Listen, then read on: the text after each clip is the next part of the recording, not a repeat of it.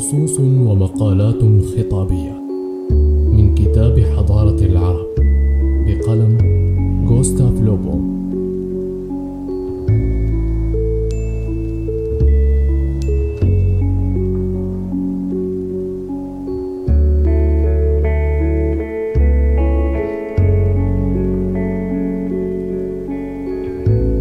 الفصل الثامن فن عمارة العرب.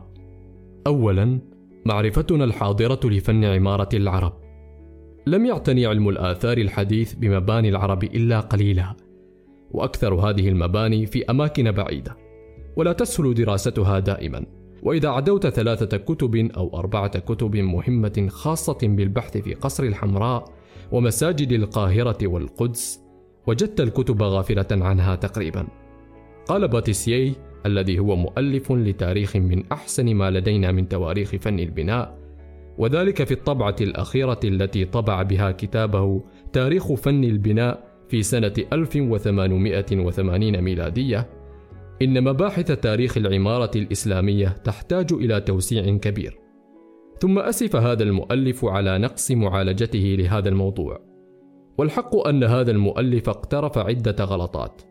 ومن ذلك أنك لا تجد بين صور كتبه المهمة الكثيرة صورة لبناء إسلامي في بلاد سوريه وفارس والهند.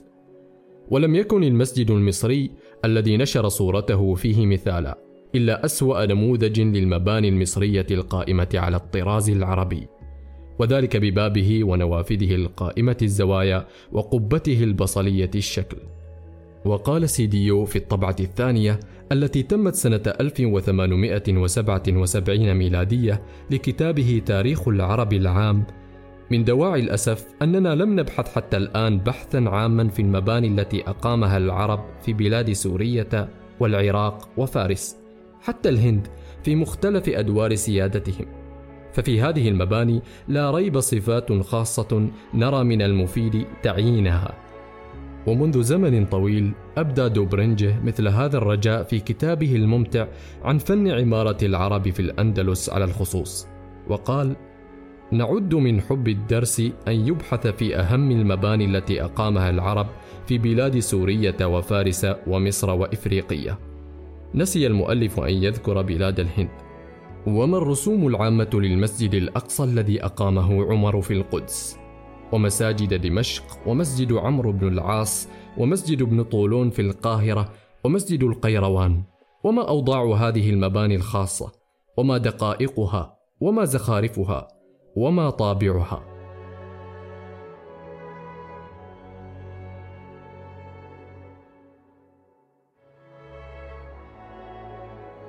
إن المقابلة بين مباني العرب في مختلف البلدان التي دانت لهم من الأمور التي لا غنية عنها للوصول إلى معرفة طرازها.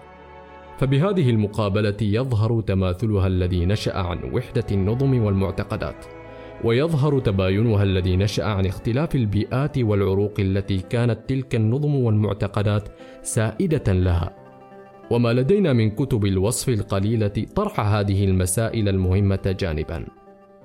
وقد يقع الباحث حين يقتصر على دراسة فن العمارة العربي في أحد الأقطار التي كان للعرب سلطانا عليها في مثل هذه الغلطات الفظيعة التي اقترفها شاتوبريان في كتابه الذي سماه رحلة من باريس إلى القدس.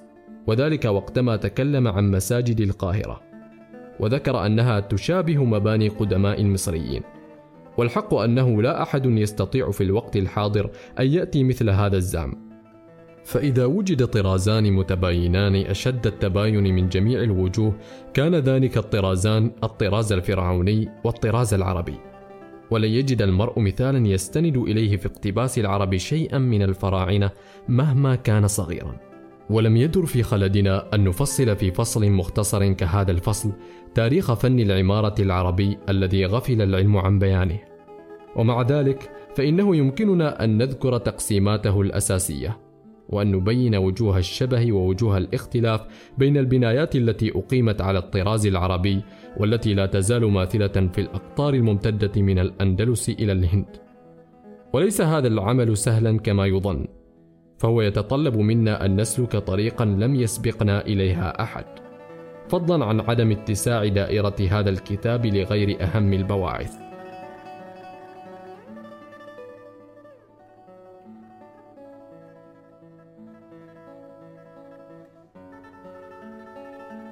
ثانيا عناصر فن عمارة العرب المميزة.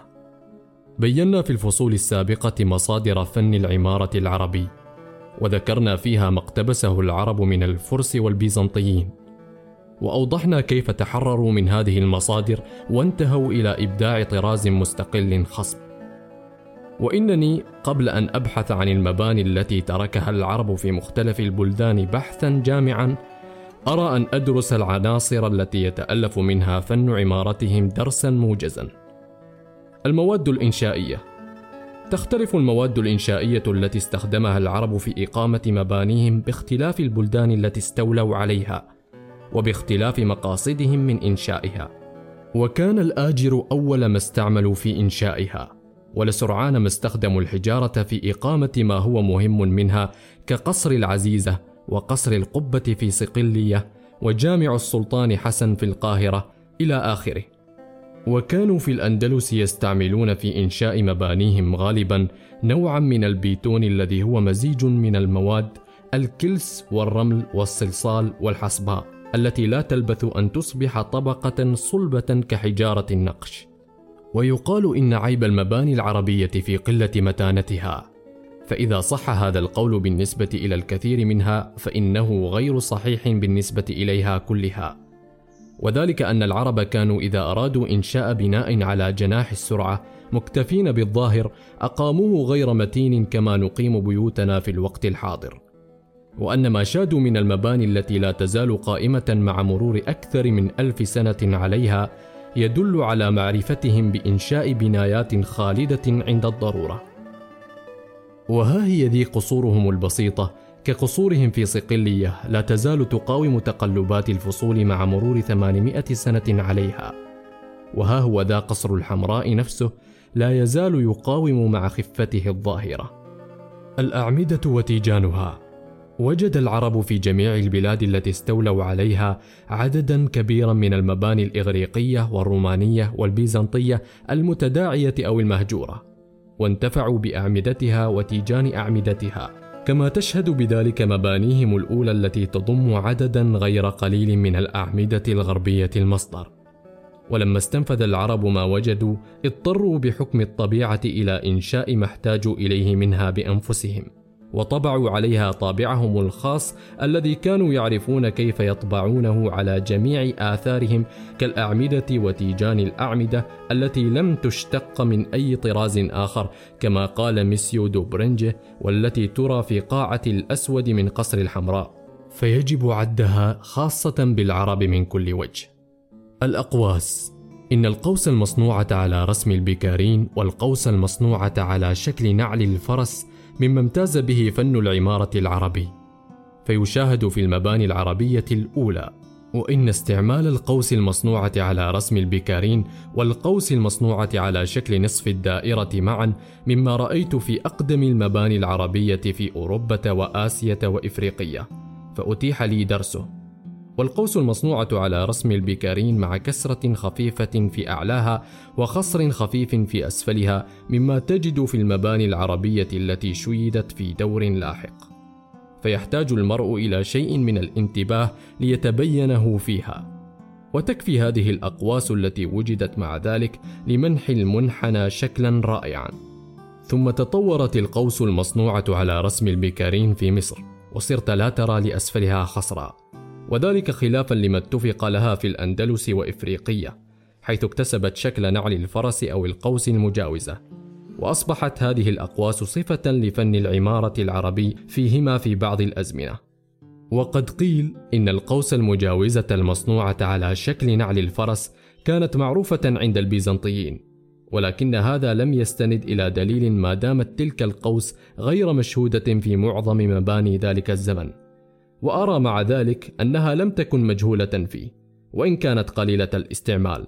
والحق أنني وجدت في كنيسة كابنيكاريا التي أقامتها القيصرة أودوسكي في أثينا عام 418 ميلادية على حسب ما جاء في كتابة تبينتها على عمود.